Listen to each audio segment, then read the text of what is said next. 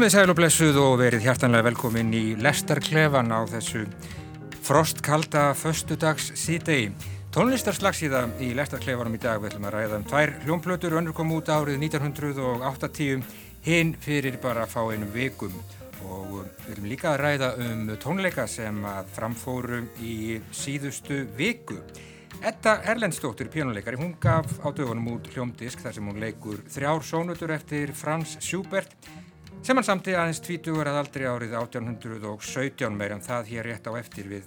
Tölum líka um tónlistarháttíðir ásaritt sem að framfúr í hörpu í síðustu viku undir yfirskriftinni Þræðir, þar voru frumflutt fjögur verk eftir fjögur tónskáld og við rifum upp hljómplötu sem að koma út fyrir sléttum 40 árum þann 27. november eða 27. mögulega árið 1980. Þetta er hljómplata sem heitir Geislavirkir og var og er með hljómsveitinni utangarðsmönnum og um, hún breytti held ég ímsu var á sínum tíma meðal annars sögð kraftmesta rockplata sem nokkuru sinni hefði komið út á Íslandi. Gestir í lestarkleifanum í dag eru þau Steinun Birna Ragnarstóttir, óperustjóri og já, pianoleikari. Árni Mattíasson, fyrirvænandi bátsmaður og menningarbladamaður og Borgar Magnason, tónlistamæður, bassarleikari og tónskáld verið öll hjartanlega velkomin í Lestarklefan. Ef að byrja á Schubert og Ettu Erlendstóttur, þrjár píjónósónutur frá árunum 1817. Steinum Byrna kannski fyrst, ég veit að þú hefur mætur á þessu tónskáldi Frans Schubert.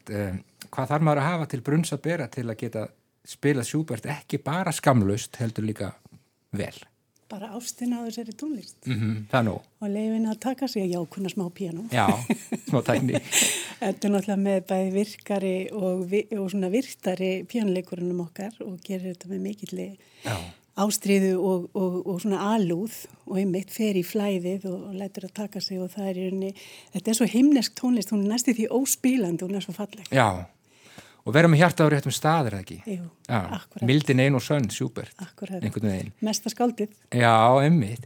Og hvernig hérna, þannig að þetta virkar vel á því, þessi... Já, þetta er og mjög fallega valið uh, þess, þetta, þessi æskuverk saman af þessu er, er uh, þessi nummið tvö, hún er byggð á annari sem var svo klárið og gefið út sem Opus Postumus en, en og, og, og sko Allegretto kablin í síðustu sónundur þetta er náttúrulega eitt af fallegasta sem maður heyrir eftir sjúbæð sko maður bara einhvern veginn það- manni fallast hendur þetta er, þetta er þannig tónlist Já. Borgar, hvernig virkaði það á þig, þig að hérna hlusta á sjúbert í, í skamdeginu? þessi, þessi upptaka virkaði rosalega vel að mér kom mér alveg ríkala óvart Já, sem sagt, það kom mér ekki, kom mér ekki óvart að, að, að þetta skulle hafa spilað þetta fallega en, en það voru, svona nokkrir þættir í þessu og, og eitt af því er sko að því að núna er ég eins og allir aðri búin að vera sko lokaður heima hjá mér í nýju mánuði og, og þessi sko heimilis upptaka nákvæmlega eins og maður í gerði eitthvað fyrir mig sem var, var hérna ólýsanlegt. Að hérna það er þessi nánd og, og, og, og það svona kallaði fram hjá mér þetta sko uh,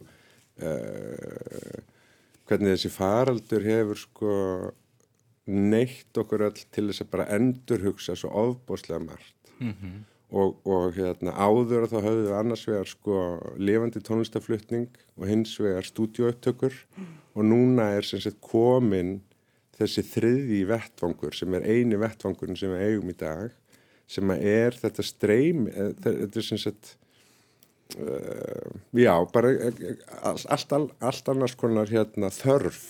Af því að við fáum ekki, fáum ekki nándina með að hittast að þá erum við að finna út úr því hvernig sko stafrænt við, við finnum einhverja nánd og það gerði eitthvað ofbáðslega mikið fyrir mig þessi, þessi sko heimilis upptaka Já, þarna er nánd. það, það gaf þessu nánd. Já, og síðan náttúrulega sko uh, svona listfengi eddu passar svo ofbáslega vel við þessi æskuverk. og, og þetta allt saman færði mér heim einhvern bara hérna gerð, já, bara gerði rosa mikið fyrir mig já. Ég var líka svo glöð, þetta var ekki þessi tónleika salar til Nei. Nei, Þessu akkurat stundum með svona þröngvað upp á upptökur. Já. Þetta hefur sjálfsagt að uh, þessi verk hafi, hafi lengi verið henni alveg sérstaklega hjartfólkin og hún sé eiginlega búin að vera að undirbúa þessa útgáfu í, í heil tíu ár. Uh, Árni, hvað segir þú? Ég bara er opbúslega sammálið því sem Já. ég hefur sagt. Mér finnst þetta að vera svo mikið nátt og hún spilar þetta svo mikið, það er svo mikið gleði í þessari spilamennsku sem að mér finnst svo, og eins og hún segir þetta er svo fáranlega fallið músík, þetta er svo fáranlega fallið músík og maður spilar sem að kabla bara aftur og aftur. Já. En hérna það var svo mikið gleði í þessari spilamennsku og svona hlýja, mér finnst það alveg stórkostlegt. Og ég, ég olst uppi það, þetta var spilað af hérna, miðallra köllum. Þú veist, það var Vilhelm Kempf og það var, var svona þungi og dramatík og og þannig að það er bara alveg ógíslega gaman að heyra þetta spila svona og maður upplýfur þetta allt annan hátt. Já. og heyra, heyra, heyra, heyra þetta aftur upp og nýtt. Við eigum eiginlega Artur Snabil það að þakka þess að svona skuli vera í reperstvári pjónuleika hann tók þetta upp og þess hefði þetta bara verið geimt einhver staðar. Dagsvis Eða að heyra smá tóndæmi áður en lengra er haldið?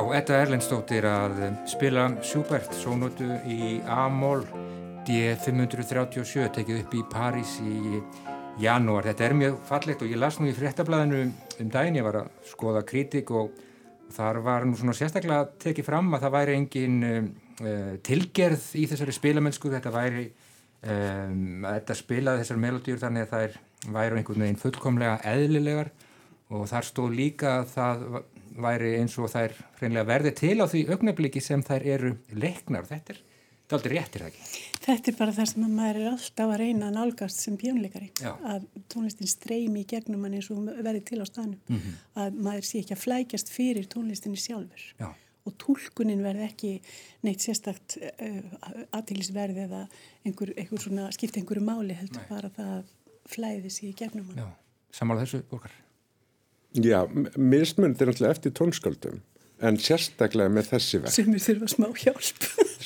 Já, sumir, sumir bara bjóða upp á það að maður, maður fái Já, að, að, að hérna, en, en sérstaklega með þessa tónsmíðar sko, að þá er svo ofbáslega þakklátt að fá að heyra heyra hérna uh, ég veit ekki Svona tilgerðilegsa tólkun Já, ég, mér finnst sko tilgerð hafa einum og sko slæmtir app mm -hmm. mér finnst mhm. tilgerði sjálfur sér ekki neikvægt orð en, en hérna Hún getur verið falleg Já, en í, en í þessu tilfelli að, að þá bara sko ekkert melodrama að taka það allt í börstu Já.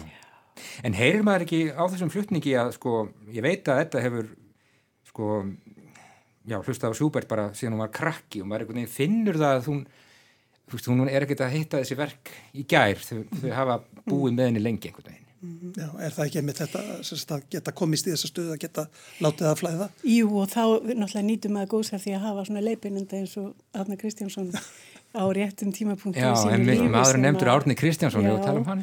sem að, að náttúrulega laði grunninn að bara heilum kynnslóðum píónleikar á Íslandi og, og var einhvers á svona sannasti eh, tónlistamæður sem að maður hefur nokk tíma kynst Hann kendi þetta og hann kendi þér og þú kannast einhvað aðeins Ég kannast aðeins við hann Árni Mattíasson, afiðin Já, ég kannast aðeins við hann. Og hann vildi kenna mér en ég vildi ekki læra. Nei, einmitt. Já, þar fórst á mér sem marg Ég veit, ég veit. Svo fór sem fór. Mm. En hérna, bara valið á þessum verkum um, af öllum verkum Sjúberts að velja það sem hann samti sko tvítugur að aldri. Mm, hann alltaf lefði ekki lengi í blessaður, bara rétt varð rétt liðlega þrítugur. Þegar sáttu þetta val Já, Já. feiknulega vel hefnað mm -hmm. og bara verkin, ekki bara þetta tema sem hún er með, þessi æskuverk og þessu sónundur, heldur líka bara þau eiga svo vel saman. Já, nákvæmlega. Ég heyri það á öllu að þið eruð harla sátt við ettu Erlendstóttur og flutning hennar á sónutum eftir Sjúbert. Við ekki senda ettu bara hverju til til Parísar, ég held hún, held hún sé þar heldur betur og hérna og skenni bara til hamingi með þetta uh, með þetta fína verk. Um, við skulum halda áfram að tala um tónlist hér í lestarklefanum á förstu degi frá árunnu 1817 þá skellum við okkur bara beinustu leið til ársins 2020. Skulum huga að splunkunir í tónlist en tónlistarhátti Rásaritt, hún var haldinn í fjórðasinn í síðustu viku. Listrætt stjórnandi hátærinnar var Anna Þorvaldstóttir tónskáld en þema hátærinnar að þessu sinni, Þræðir, Tekið var til til 90 ára afmælis ríkisútasins og þess að í ár eru 250 ár leiðin frá því að Ludvig van Beethoven fættist og þarna voru líka undirlikjandi hugleðingar um tíman. Það voru pöntuð fjögur ný tónverk sem að tónlistarhópurinn Elektra flutti á tónleikum sem sendir voru út í beitni útsendingu frá Norðurljósa sal hörpu á Ráseitt og Víðar Þetta var miðugudaginn 20. og 5. november. Tónskáldin fjögur þau komu úr nokkuð ólíkum áttum. Þetta voru þau Haugur Þór Harðarsson, Högni Eilsson, Sólei Stefánsdóttir og Veroník Vaka. Þau unnu með þema hátíðarinnar hvert á sinn hátt og skulum áður en við spjöllum um hátíðina heyra örlítið tóndami.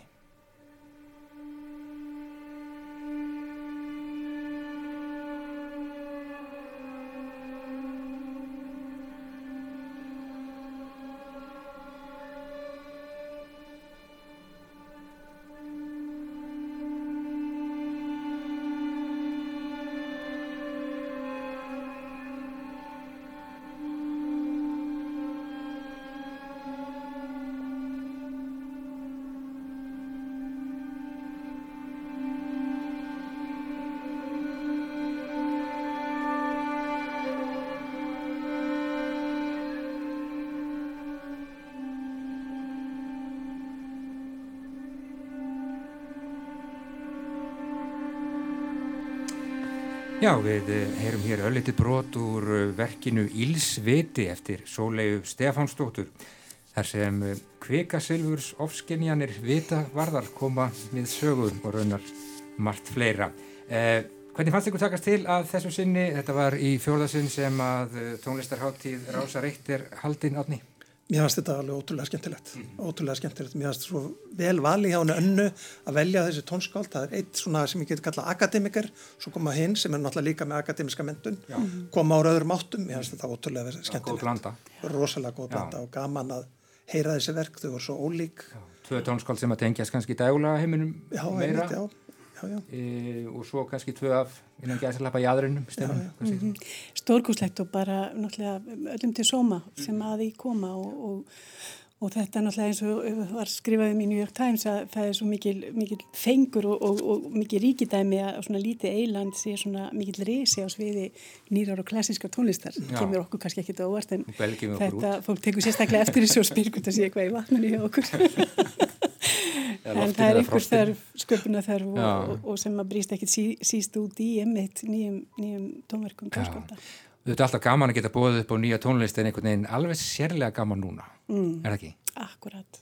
Borgar, Jú, mér finnst það hérna, mjög, mjög flott og mjög skemmtilegt og mér, ég, fór, ég fór svona að hugsa það sko, eh, elektra ansambul er, er hvað, orðið 12 ára gammalt og það, það verið svo hérna jákvæð þróun hvað varðar þessi sko minni eh, minni hljóðfæra hópa sem að hafa gefið sko tónskaldum tækifæri til þess að semja fyrir mismundi kombinasjónu og, og tækifæri, hú veist, þannig að uh, en það var eitt sem að, sem að mér fannst sko sem að tengist aftur þessu með þarna, uh, þennan nýja vettvang.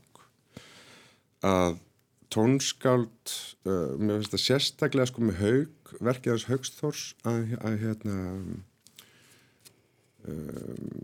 tónskáld skrifa sko nákvæmlega hvar hver hljóðfara leikari á að vera stattur á sviðinu til þess að, að áhrif verksinn skilir sér mm -hmm. Í, fyrir þetta þá hefði hann eiginlega þurft að skrifa hvar hann vil að hvert hver mikrofót sé plaseraður í mixinu til hæri eða vinstir eða miðju mm. til þess að skila þessir þannig að mér sko uh, að því að texturinn er svo þykkur þetta er svo þykkur mm. vefur og, og hérna um, já þannig að það er rauninni, rauninni þyrtu, þyrtu tónskáld að skrifa bara einn hvernig að því að við gerum það þegar við förum í stúdíóupptökur mm. þá erum við alveg yfir -hmm hljóðmanninum og segjum þetta þarf að fara til hæri, þetta eins aftar, þetta framar. Mm -hmm. um, en fyrir sem sagt live-flutting af því að núna erum við ekki að fara að heyra þetta á sviði við heyrum þetta bara í, á, á, á þessu nýja vettfangi þyrstu tónskaldin í rauninni að skrifa. Þannig að mér fannst það sérstaklega kannski með í, í verkjörus högstóðs og saknaði þess að, að hérna að fá ekki að upplifa breyttina sem hann skrifar í þetta. En þarna spilar vantal inn í þá, interessant og gott og nefnir þetta sko að þarna spilar inn í ákveðin tækjum er maður að upplifa þetta. Mm. Ertu með tölvuna þina heima, ertu með fartölvuna, þar ertu með mjög takmarka og lélega hátalara eðlimálsins samkvæmt sko og svona hátalara sem er á sikt við hérna blað líka við sko og, og svo framvegis og framvegis. Þetta er rosalega góð pælinga mitt hérna. Mm -hmm. Þarna er að því að við vitum náttúrulega í tónleikasalum og þá náttúrulega veit, allir eru í rýminu. Mm -hmm. en þetta er, þetta er rosalega góð pæling. Og, og það sama með sko, sérstaklega í, í verkefnus högs og svolítið líki veru nei, kannski aðal í veruniku að þar var sko sama vandamál nema hvað var það dýnamík. Já Af því, því að eins og hljóðupptakkan fer fram til þess að hún skilir sér vel úr tölvuhátulum eitthvað sem er að þá er öllu þjappað saman þannig að það veikasta og það sterkasta Já. er á mjög, mjög svipuðu Já, svipuðu voljúmi sko. og, og, og fyrir hennaverk sem að, sem að hafði svona mikla vann svona mikið með dýnamík um, að þá skilar það sér ekki og þá, þá nær maður ekki að upplifa almenlega Það vandar þá svona dýft í hljóðheiminn Já, Já.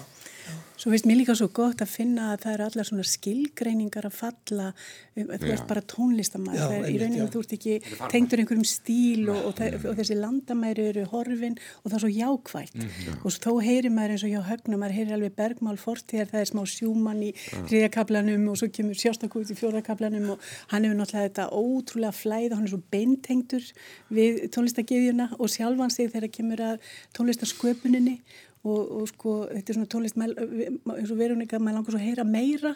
Maður, þetta var á stutt. Og, og hérna það, það var svo mikil dölúð og það var svo mikil alúð og þetta var svo sífand, þetta er svo vel valið heildin kom mm. svo vel út. Já. og það, það sem ég tók út úr þessu er bara það eru all landamæri fallin og það er bara fínt. Við eigum að losa okkur við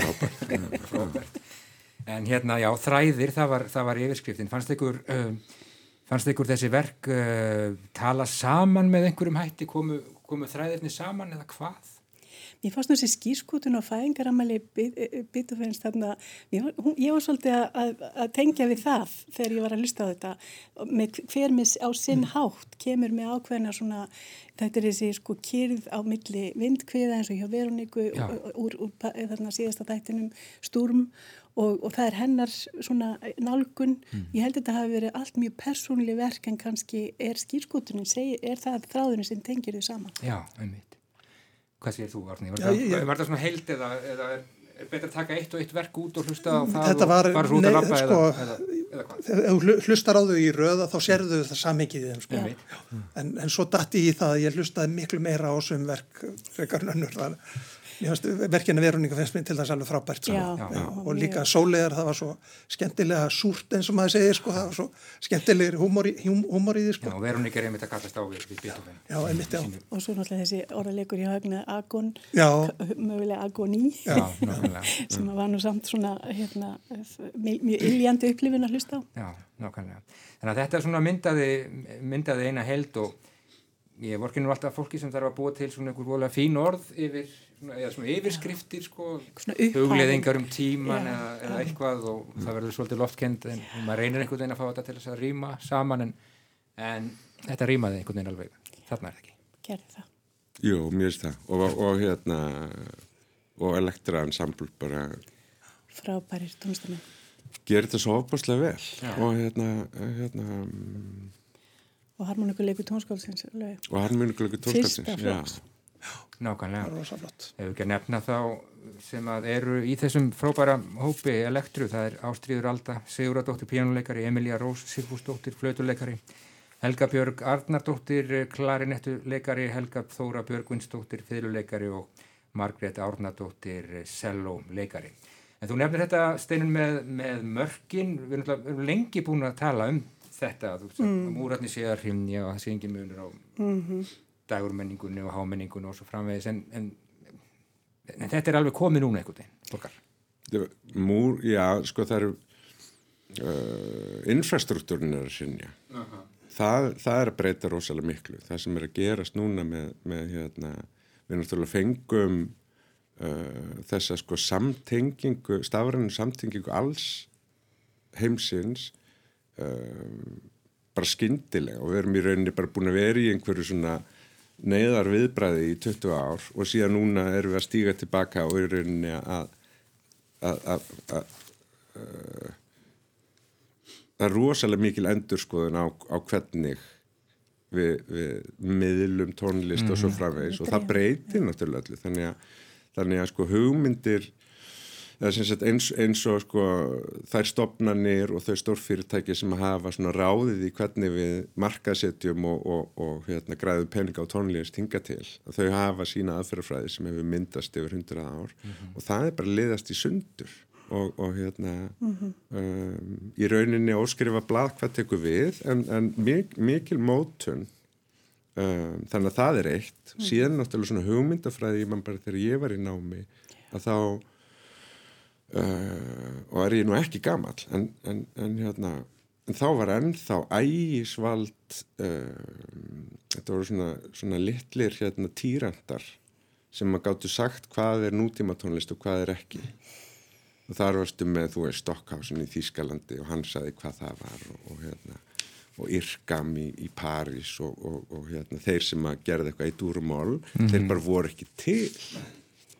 Rúsa fordómar í gangi. Og þannig að, og ég man sko þegar, að því ég kemur svona, svona algjör, algjörum klassískum bakurinn, já þá man ég þegar ég fór að vinna með, með hérna, nútíma tónlist, að þá mætti ég sko miklum fordómum frá mínum kreðsum um að ég væri að fara bara út í eitthvað röggl og þegar ég fór svo þaðan ég að vinna með poptónlistamönnum að þá voru allir bara þú veist, þú ert komin í, í óvinnaliði, þú veist komin eða skiljur, og það er bara sko í lók síðustu aldar Já. En er þetta ekki mjög mismöndið millir landa? Það er, virðast að vera mjög lítið bil hér Jú. miklu meira samstarf maður finnur meira fyrir þessu í Ameríku er ekki miklu meira? Þetta er, þetta það er meira flæði þetta er sko bara rosalega mikið að breytast, bara allstaðar þetta, þetta með flæðið á milli mm -hmm. og allt í hennu sko af því að við vorum öll sammálum að kvikmyndu tónskald voru ekki tónskald mm -hmm. það, var, það var svona súbst það var einhver svona súbkategóri og þú varst með svona akademísku aðri tónskaldin og svo varstu með kvikmyndatónskáld og þau, þau komist ekki einu svona blað sko, sem listamann, þau voru bara einhverjir Eða, skiljur, það, það hefur breyst rosa mikið sem er skemmtilegt að því að, að, því að sko, þegar flæðið fer að koma til mm. svona, og, og þá heyrur þú veist hljómsýttir eins, eins og Radiohead og Johnny Greenwood farin að semja æðislega klassíska tónlist mm. og, og þessi mörg og sko, okkar færustu klassísku hljóðfærleikarar hig ekki við að fara í samstarf við, við Johnny Greenwood og búa til eitthvað falla. Þetta er eitthvað sem var bara til á síðustu 15 árum. Sko. Ég held einmitt þetta gerist með réttu fyrirmyndunum Já. og uh, réttur í nálgun í tónlistanáminu. Að hvetja fólk til að skilgreina sig ekki, auðvitað verður að taka alveglega það sem þú gerir og það hljóðfæri sem þú lærir á, en þú, þú hefur enga fordóma á milli, milli tónlistastefna og þetta er held ég sé bara tíman að tákna og þetta ég tek undir þetta sem Borgar segir. Maður fann þetta alveg í sínu tónlistaruppbildi það voru ákveðinu svona ég, maður kannski fordum er í góð orðið og snopp er kannski neikvæð orðið þetta því það sama. En við skulum bara hérna horfast í hvað það er og, og, en þetta hefur maður tekið með sér og þurft að vinna úr sjálfur og, og vika sín sjóndirring og sérstaklega maður hefur í stjórnunastörfum og þá má maður ekki láta þetta flækjast fyrir sér. Nei. og mann er bara skilda til að reynsa þetta upp og ég vona að það hefði tekist allavega og ég, ég er svo glöð að það er eh, ungt fólk, tónlistafólk í dag sem er, e, sko, hefur ekkert af þessu. Þeirra sjálfsmynd er bara ég, ég, ég er tónlistamæður og ég gerir bara það sem ég langar og það sem ég er góður í. Mm -hmm. og, og bara þeir, þeir hlýða kalli en, og það, þeir þurfi ekkert að, að svona, já, bækslast með þetta í farangrinu mm -hmm. og þó að til dæmis þetta hérna, verkheiti þannig ílsviti sem er mjög svona um, er mjög, þetta er mjög góðsviti Já Þetta er flottu titill. Og, og, og að öðrum ólastöðum þá, þá var, var verkiðinnar sólegar bara alveg frábært var... og náði líka að því að mér fannst hún ná, ná sko, því sem hún náði út úr sagt, hljóðfara samsetningunni á lektoransambu virkaði bara eitthvað svo ofbóðslega vel. Mm. Ég puntaði hjá mig djúböndun og áleitin fegur Já, herðu, við glósa þetta.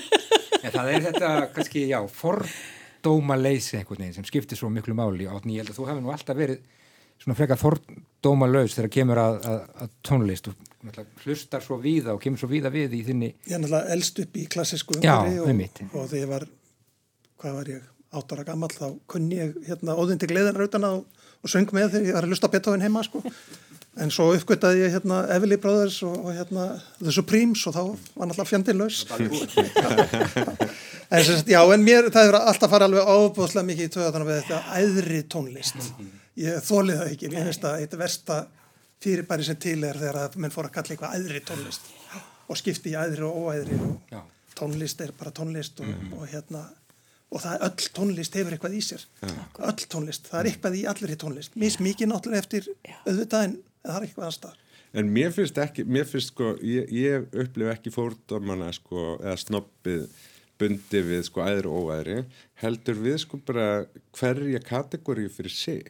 Á milli hóp. Að poptónlistaviðni mínu voru bara hvað er þetta að spila þessa klassísku symfónisku tónlist? þú ert að vera í frelsinu mér þetta er í báðar átti, það er alveg rétt og, sko. og, hérna, þetta er sinfoníu garg og, og þú veist, þeir sem eru þú veist að vinna með, með, með hérna með skriski já, þú veist, vinna með black metal þá, þá er þá er eitthvað svona, þú veist, hvað er þetta að gera í þessu GCD-rugli, þú ert að vera í hérna er þetta að gera. Eða skiljur við þess þannig, þannig að, að, að hérna, ég upplifi sjálf sér og þannig að kannski að hluta til af því að sko ég er alveg upp já, já. við alveg gerraðislega mikið snopp fyrir sko því sem ég er að gera. Mm -hmm. þannig að ég er náttúrulega veit að ég er æðri þannig, þannig ég er ólíkt þér að þá skil ég hvað er allt við Já, já tími játningana Ég þetta, skil betur en þú já, hvað þetta þýðir með æðru og æðru. En eins og ég segið þá er þetta líka úr hinni áttinni sko já. og þetta er líka ímyndaratrið eins og ég var, á, ég var að dæma hérna í Vakken Metalfest hérna sem var haldin í Hörpu. Mm -hmm. Það var sérst keppnum hérna þungarálsljósita mm. og svo var einn hljómsveit sem kom að spila og gísla góð sem heitir Öðun spila svona black metal. Mm -hmm.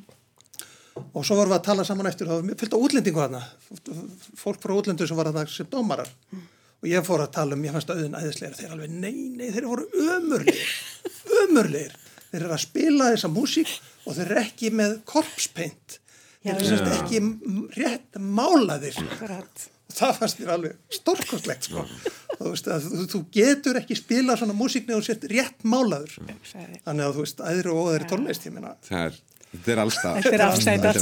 Er. En ég, ég man það er tvent sem að sko það er tveir tónlistamenn sem að, sem að sko ég var, var bara árið þrítugur þegar ég mátti segja upphátt að, að, að ég, hver, semst ég var mikill aðdáðandi þeirra og það var sem sagt uh, Dolly Parton og, og hérna Dolly hver? Nei. Dolly Parton hérna Dolly Parton og síðan hérna The Boss já og hérna ég man alltaf eftir því þegar ég uh, semst bjó Erlendis og var heima í sumafrí og ringi í 12 tóna og spyr hvort er eigi einhverjar plötur með Dolly Parton og man alltaf eftir svarinu sem ég fekk eitthvað löng þögn og svo kom svona, svona lágum rómi já við erum nú e eiginlega ekki þannig plötubúð Nei, við erum ekki með hana Já, já, já. Já, en þú... Þannig að það er snoppið fyrir alveg sko út og söður er rík. Heldur betur. En hérna... þú borgar átt ekkert í vandra með það að vippa þér úr, úr Schubert og bara beinstunlega yfir í Scott Walker eða, eða Radiohead. Það er ekkert vandamál. Nei, en, nei. En, en, en ég er farin að geta sagt það mm. um, jaft við mismunandi Já. hópa tónlistamanna í dag ánum þess að mæta einhverjum fordómum Já. og það var bara ekkert í, og, þú veist, í, í raun og veru í loksíðustaldar að þá var það ekki Já, maður kallaði á yfir sig svona ákveðin Já, það var mm. það gæti verið afturöðuríkt en Já. ég finnst þetta svo jákvægt og ég er svo ánæg með þessa nýju kynslu og tónlistamanna sem er bara að gera hlutina með svo miklu meira öryggi og, og, og svona einhvern veginn þetta setur betur í því sem það er að gera Já mikið er þið glöð og, og uppörfandi og gott að setja þessi orð út í myrkrið en já, þetta var svona, svona hugleðingar í kjölfarið á tónlistarháttíð Rása Reitt sem að framfór í síðustu viku og þið bara hardla glöð heyrist mér og ekki þá síst glöð með verkið ennar Sólegar Stefansdóttur Ílsviti. Þau hefðu öll til mín bara kortna á sinn mata. Fyrir, já. Já. Alveg heiklust. Algjörlega. Gaman að heyra en þá ágætu hlustundur skulum við skipta rækilega um gýr. Við höldum okkur við tónlist svo sannlega en sækjum leðurjakkana þetta er eitthvað allt annað. Heill þér faðir alheimsins, segð þú mér. Vorum við ekki fætt þér til dýrðar. Eða sáu forfiði mínir ekki að sér. Ekkert svar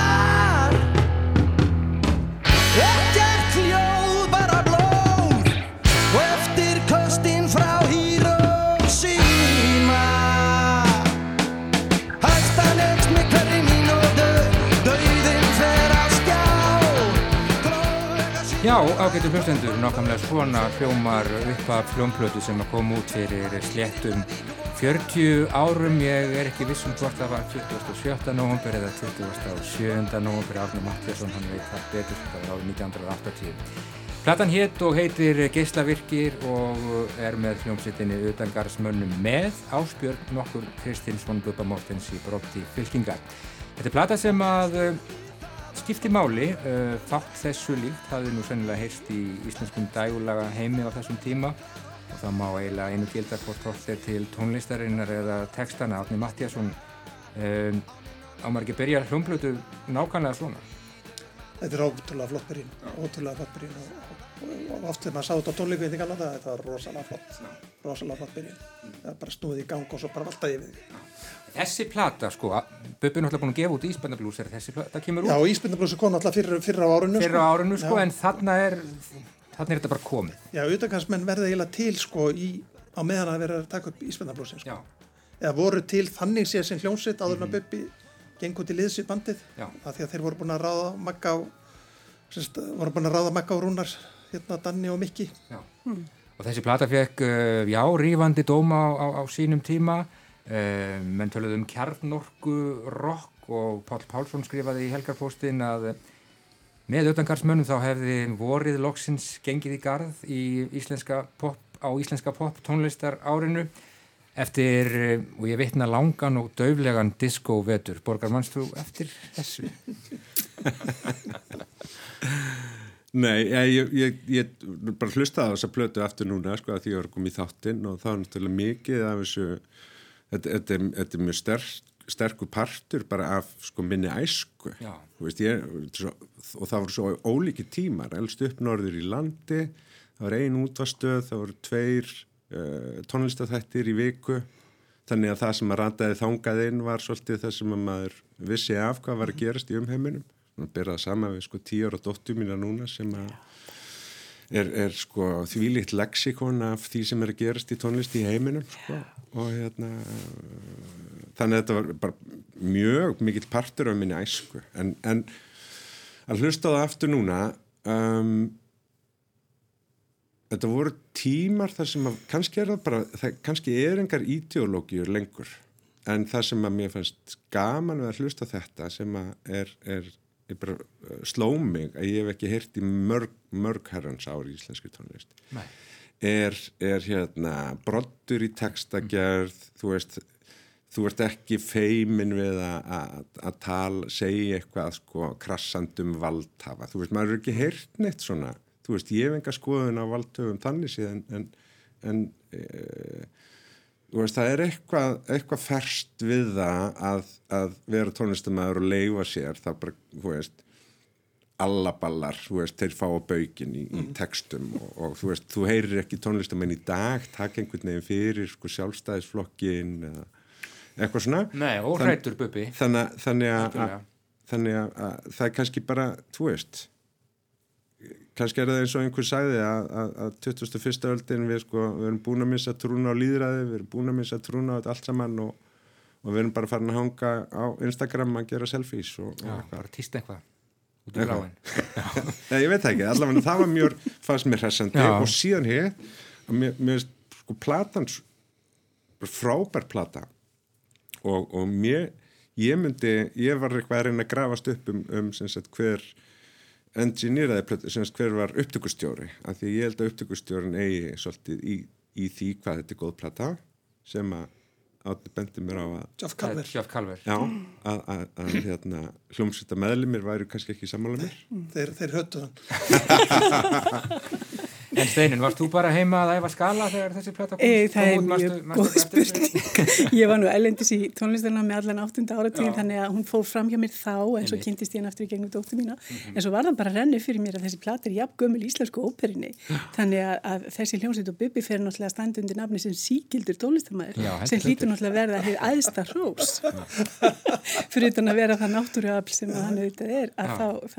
að þá, langum bara Sæmon, Sæman þeirri nabót hér með því að þetta er náttúrulega allt er gott sem kemur aftur. Nákvæmlega.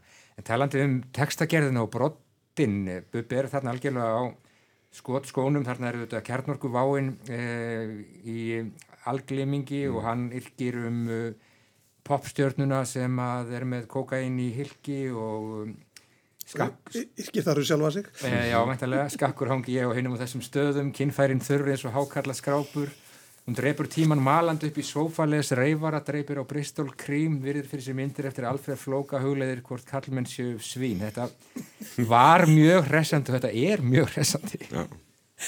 Já, já, það er sko, það er ekkit langt síðan að það var byrt, byrtist grein sem var mjög umdelt í blaði hérna um það að þetta sé stórlega ofmetið band og þetta uppákoma sé stórlega ofmetið. Það var hérna tónlistamæður sem að, hérna, skrifaði þetta að þetta hafi ekki verið svo mikið bylting og það er best að það komi fram hér að það er náttúrulega bara algjört rugl sko. Þetta var alveg gríðarlega bylting. Og þú nefndir þetta með textana að hérna textani voru aðal byltingin. Að því að músíklega, ok, þetta sound, þetta gítarsound var ekki til hérna, þetta er samt Keith Richards sound sem maður þekkir um þegar maður heyrið það, músíklega er þetta ekkert neitt rosalega nýstárlegt, en textarnir voru aðalbyltingin Já. og það er sem sagt sem að þegar bara, maður heyrði maður á Ísbjörnablóns og svo á þessu. Og það var til dæmis tókstreita innan bandsins vegna þess að þeir voru allir svo leiður á þessum pólitísku textum.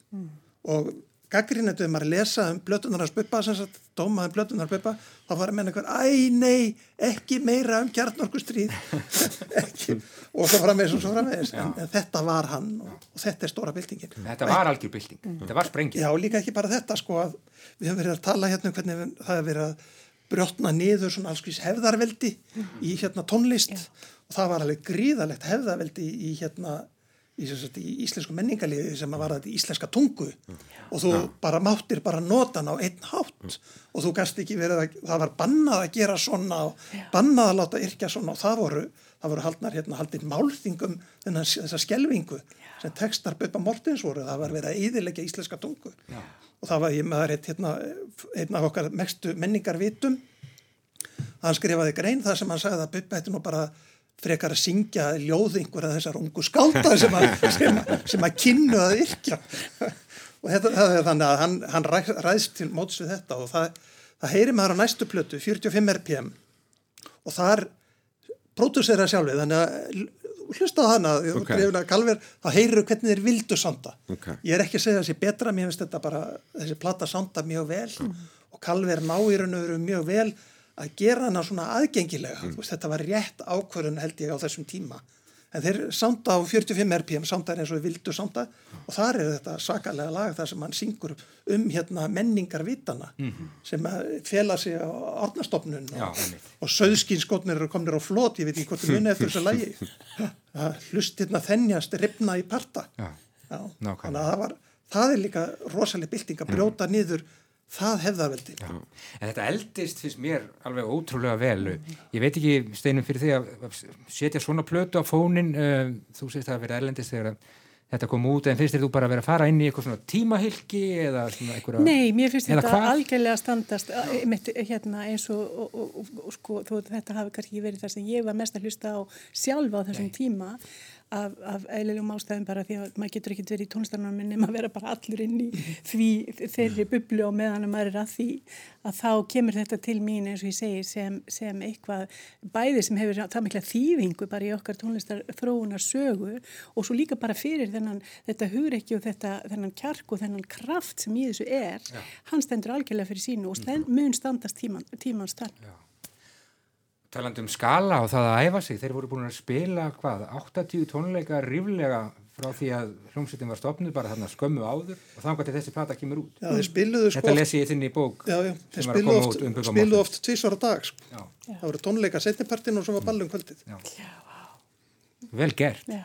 Ég vil samt koma með, af því að við vorum að tala um hvað að vera indisleg, nútíminn indislegur og engar, engar hérna kategóriur og allir getur gert hvað sem er, að, að hérna hættan við það er, eða sem sagt það sem að maður þarf samt að, eða unga kynnslöfum þarf samt að hafa í huga, er að þú þarft að kunna eitthvað. Máttu og ef að, þú, ef, að þú, ef að þú tekur út þína tíuðus klukkutíma í að spila live tónleika sem popartisti þá, þá ert þú að læra þitt handverk sam, nákvæmlega sama máta eins og klassíski sem að æfir sig. Og, og, og við losnum aldrei við það Nei, sko. en nú myndi, nú myndi Einaröld koma og taka í lurginaður og segja þetta er ekki spurning um að geta, þetta er spurning um að gera. En það er, það er eins og alveg rétt eins og, eins og maður heyrir á veitungarsmönnum að þeir voru búin að spila eins og brjálaði menn. Og þú séð halda tvenna tónleika á dag mánuðum saman, auðvitað verða menn rosalega góðir Það er alveg saman hvað stíl Einarörn er búin að setja sko ómælda klukkutíma í að vera einarörn og hann er mjög góður í því. Það er 24 tíma að vinna. Hann frábær í Það því. einarörn og hann er bara Já, já, en það var eins og, eins og sem sagt að þetta, þetta er alveg rétt sem hún segir, sko, þetta heyrði maður líka í, í pönkinu mjög mikið þar sem maður var bara, tókst bara fljóðfæður og byrjar að spila. En þá líka kemur það í gegn eða þú hefur eitthvað fram að færa. Já. Og ef þú hefur eitthvað fram að færa þá, þá skiptir ekki svo miklu málið þó þú kunnir ekkert að þú getur oft skilað því, sko. En svo verður þau náttúrulega betri eftir því sem þú gerir það ofta, sko. Já, Þannig að það er alveg rétt, sko. þeir Já, fóru svona í gegnum sína já, einmitt, já. Þetta erindi, þetta erindi hefur svolítið horfið úr tónlistinni er það ekki. Þetta attitude og þetta, ég veit það ekki. Það er ekki mikið um þetta. Nei, ég er ekki samanlegaður. Ég, ég, ég er búin að hlusta á sem sagt, 400 og eitthvað íslenska blöttur á þessu ári, íslenskar Gatskið. Og hérna og þar er, það er alls konar, Já. er alls konar dóta þetta, all, alls konar það er raftónlist og black metal og pop og ég veit ekki hvað og hvað. Og þar koma öðru hvora alltaf ofbóðslega skrýtni hlutir. Þar sem að fólk er að gera eitthvað sem það getur eiginlega ekki gert. En að því að það hefur eitthvað fram að færa þá verður það samt bara alveg brakandi snilt sko. Maður finnur alltaf ef að fólki liggur eitthvað á hjarta. Já, akkurat, sko. Já, akkurat. Og þá, ef, það get, ef, það- ef það er til staðar, Já. að þá, sem sagt, heyrir Heyrist maður það það, þó að við komandi sé kunni kannski ekki á hljófærið eða, eða kunni ekki að taka upp eða, og þá er það bara partur af sjálfanum. Ég, ég verð að segja að, að hérna, því vorum að tala um, um sko, tungumálið og, og átnastofnun og allt það, að mér finnst sko í, í dag, þá finnst mér alveg að Íslandi að algjör mm. með stund sko jafn mikilvæg íslenski tungu eins og megas og bubbi á sínum tíma. Já. Tekstasmíðin hennar er sko Og hún er einmitt að brjóta niður alls konar hérna, norm. og algjörlega sko skamlöst og, hún, hún, og, og með sko autoriteti og, og hérna hikar ekki við það. Hún er, hún er, að- hún er að reyðja nýja bröttir. Já. Já. Um, svona plata og það er kannski erfitt að taka hana kannski sérstaklega út það eru bara þessar þessi fyrstu verk hans buppa hversu miklu breytti þetta? Breytti þetta. áhrif, bara í, í, í, bara í dægulega heiminum og hvaða áhrif hafði þetta? Það er rosalega erfitt að meta það, sko, þú veist, músíklega, sko, ég heyrði, sem sagt, gamla pönkar að tala um það að þeim með þótt þetta sound vera svo mikilvægt, þeir voru með, sem sagt, hvernig er stiltu tjúnuðu gítarana og svona, þeim með þótt það mjög mikilvægt og það hefði haft áhrif, en það, maður sér það ekki svo mikið þegar maður hlustar á þetta, sko. Mér finnst það fyrst og fremst vera þetta, að syngja á íslenskum íslenskan veruleika og, þú veist, og hverstagsleikar, mér finnst það að vera svo mikilvægt. Já, og svo líka þessi, sagt, þessi pólitíski þráður í bubba sem hefur haldið allt fram til dagsins í dag þó hann hafa vorið opaslega mjúkur á, á tíma sko. Að þá var það bara ákvörðin sem hann tók en, en hérna ég sakna þess, þess ég sakna þessa rótækni já, og mér finnst hérna það hefði mátt skila sér miklu betur og endast miklu betur í svona íslensku tónlistali já, það var það sem ég var í að hérna, já, einmitt, já, svolítið brottin í þetta já. En það er náttúrulega þarf sko rosalega stórar karakteri til þess að taka stáfið átnastofnun sko hvers tíma. Þannig að, að, þú veist, eins og hann að gera þetta, það, þú veist, þú átt enga vini með það staði. Ekki einu sinni sko hljómsveitameðluminnin eru með í liði. já, hann var Þannig að, að- já, enda, enda sprakkbandið Já. Hún er fann að skjóta á árnastofnun hérna. Það er fórið í tóma vilsu. En hérna það fann nú að styttast í þessu hjá okkur, ég held að Bubbi hafi nú sagt sjálfur uh, og það standi á þinni bók átni að þetta, já, hafi verið svona bara miðlungsgóð plata. Þetta hann í sinni, allir sinni hóverð. já, já, já. Já, hann er rosalega kritískur á það sem hann hefur gert. En það hann það, hann saði mig það hann, hann hlustar aldrei á blöðna sínur nei, það er bara, platan er komin út þetta er búið, hann spila lögin já plötuna hlustar aldrei á hana Nei, Hvaða plötu finnst honum sjálfur vera hans besta?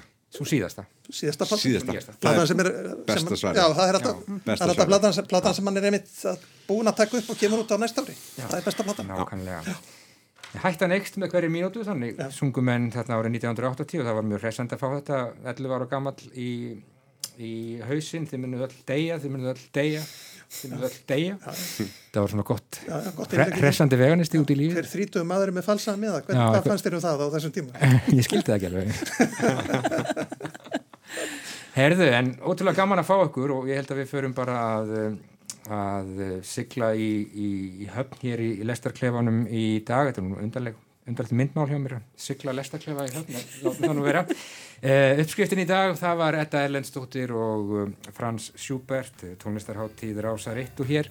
Í lokinu utangarðsmenn, ég þakka ykkur kellega fyrir komuna Árni Mattiasson, Steinun Birna Ragnarstóttir og Borgar Magnason.